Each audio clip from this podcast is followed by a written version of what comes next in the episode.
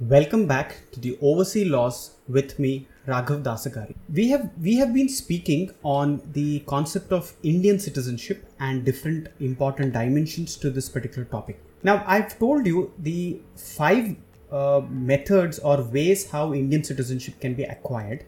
So, I'm going to lay more importance on the first four uh, categories of acquiring Indian citizenship. Number one being citizenship by birth. Now, when a person on or when a person is born on or after 26th of January 1950 but before 1st July of 1987 this person acquires Indian citizenship by the very act of his birth in the country. Now it is not important that his parents should also be Indian citizens or for that matter even children of illegal immigrants into the country are also considered to be Indian citizens by the very operation of this particular law.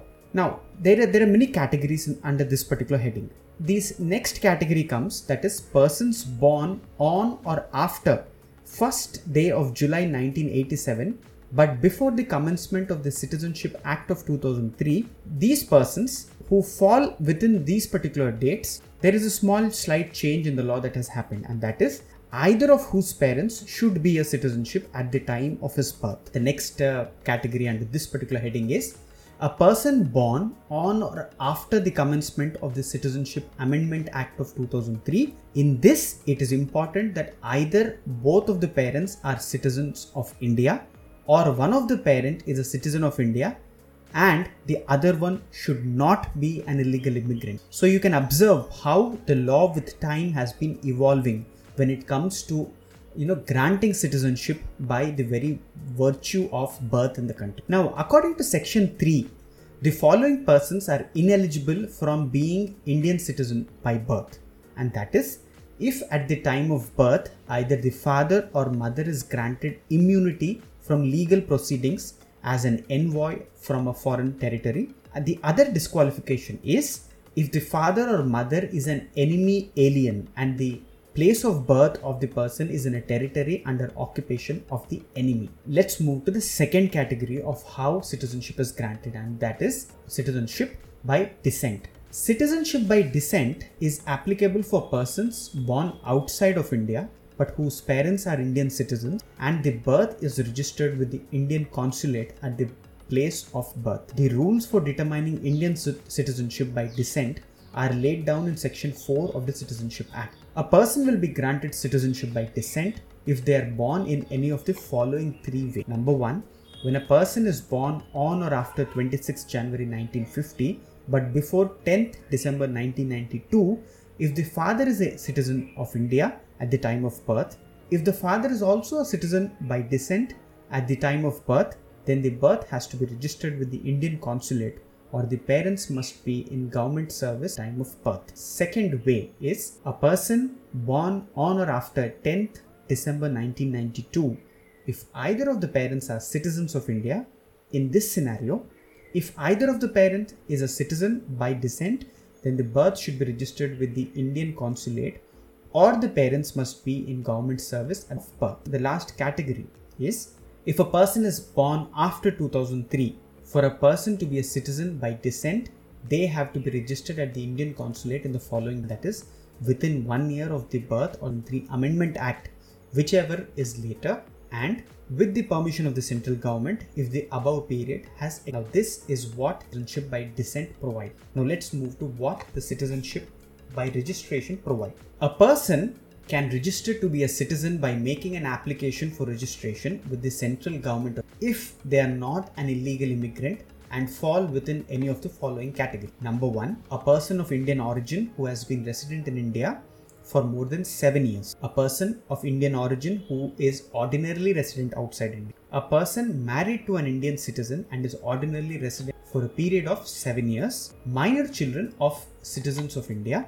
a person who has at least one parent that is registered as a citizen of India, an overseas citizen of India, that is an OCI card holder, who has been an overseas citizen of India for at least five years, has been resident in India for one. And the last category is either a person who was earlier a citizen of independent India or who has a parent who was a citizen in India and has been a resident in India for one year. Now, under this form of citizenship, the eligible person has to make an app to the central government, who will then approve the citizenship based on whether they meet the criteria therein.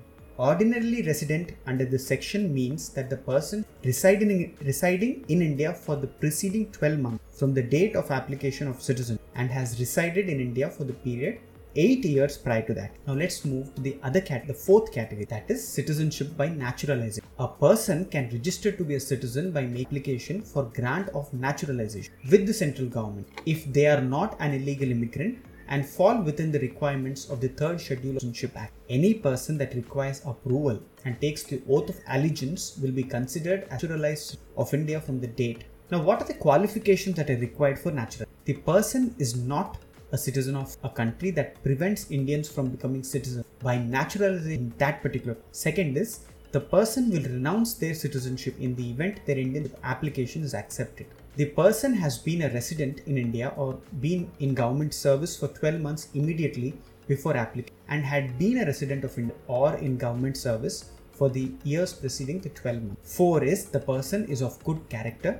5 is the person has adequate knowledge of any language specified under the Indian Constitution. 6 and the final is the person intends to reside in India once the nat- now you may ask me that how does a foreigner acquire or apply for? Well, a foreigner can apply for citizenship by means of each of these specific provisions that need to be fulfilled. So, with the conditions that I've already told you under different heads, if you know you qualify, then certainly you can apply as a foreigner, that is India, you can apply for either through registration or not. You may ask me what are the benefits of being a well a citizen is entitled to all fundamental rights right to life, right to equality before law, freedom of and expression, non-discrimination, freedom of assembly, freedom of religion, etc. They have a right to permanent have that privilege. Citizens have a right to vote and most state welfare schemes are for citizens and citizens can also stand for political and hold different posts. Now let us know that who will be considered as an illegal immigrant as per the law in well section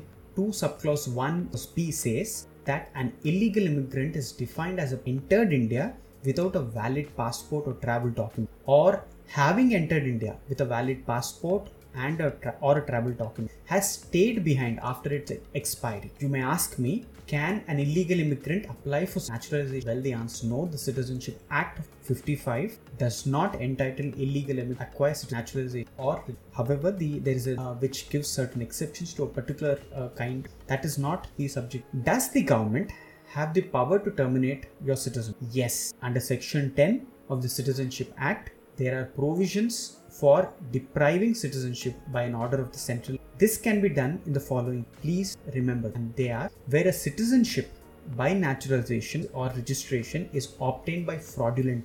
That is, if you misrepresent or suppress or pray, or uh, give some wrong information applying for uh, citizenship then your citizenship cancelled terminated next if a person is disloyal or disaffected towards the country next within 5 years after naturalization or registration if that person has been sentenced to imprisonment 2 years it attracts termination. Number 4 that if a person has been residing outside india for 7 years for purposes other than education and service of government or organization of which india is a member or he has not registered annually at consulate express expressing his intention to retain his, and finally, if a person during war unlawfully traded or communicated with the this also at now having told you about the different aspects of the legal system and the citizenship is concerned i will quickly tell you a very interesting case study come to me. And that is uh, a person called dr ramesh chennamaneni the sitting member of legislative of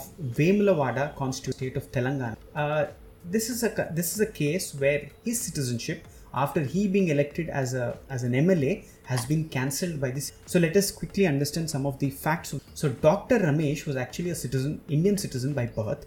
It appears that he has traveled to Germany to pursue higher education, thereby he obtained his PhD in agriculture. Uh, he secured employment as an assistant professor in a university in Germany. Thereafter, he took citizenship of Germany in the year 1993. Consequently, he lost the Indian citizenship so Dr. Ramesh returned to India in the year 2007. Thereafter, he applied for Indian citizenship. You know, on 31st of March 2008, On 21st November 2008, Dr. Ramesh was asked to furnish details of his visiting abroad in the last 12 months preceding the date of submission of application. Mr. Dr. Ramesh, you know, replied stating that, uh, you know, he has not visited any country abroad in the preceding 12 months prior to making the application for citizenship. Now, having satisfied with the reply furnished, Dr. Ramesh was granted Indian citizenship on 3rd February of 2000. Now the twist comes. The person who was defeated, that is a defeated contestant in, contestant in the election that was held in year 2018, approached the central government by raising a complaint saying that Dr. Ramesh suppressed a very important fact of his traveling to Germany in the preceding 12 months of making an application for citizenship and on inquiry conducted by the central government was found that it was true and dr ramesh had actually traveled in the preceding 12 months period after applying for citizenship in india. Now i already told you that uh, in the preceding 12 months from the date of application should not be traveling abroad. Now thereby the indian the central government uh, decided and cancelled the indian citizenship granted to dr ramesh on the grounds of playing fraud or on, on the grounds of suppressing this important fact now, Dr. Ramesh approached the High Court uh, in Telangana and the Telangana High Court set aside the order of cancellation on the ground. Please note the grounds are that the disqualifications which you know Mr. Dr. Ramesh has attracted, that is, he playing uh, fraud or suppressing from the central government, will not automatically call for cancellation of citizenship, but the law provides this is what the High Court held that it said that the law provides more than something uh, you know attracts a disqualification and that is the central government under section 10 subclause 3 of the citizenship act must record satisfaction of the ground that the continuation of citizenship to the said individual is not conducive to public good. Now after setting aside of the you know the cancellation of citizenship by the high court the central government has recently once again issued orders cancelling his citizenship this time holding that the continuation of citizenship to the said individual is not conducive to public good. Dr. Ramesh has once again is pursuing his remedies before the Honorable High Court in the state of Th- Telangana. So, the takeaway from this case for all of us is that the phrase used in the provision of law is that citizenship cannot be taken away unless it is not conducive to public good. You know, this is some kind of a you know sigh of relief to all those genuine persons who may for reasons many can attract disqualifications under law. But central government should always have to be satisfied of this particular phrase which says that you know continuation a person should not be made stateless. That is his citizenship should not be revoked uh, ordinarily. It has to be used as a last so I hope that the discussion that we've made today will actually, you know, increase your information and give you a lot of uh, deeper understanding to this important aspect of Indian citizen. I thank you for joining me. This is Raghav Dasagari on Overseas Laws, only on Radio Nyra, Raleigh, Durham, broadcast on three frequencies 99.9 FM HD4, 101.9 FM, and 1490. If you have any questions or suggestions, you may WhatsApp me at 919 294 4800. Catch me on every Sunday evenings only on Radio Nyra, Raleigh, Durham. Until next time, stay safe.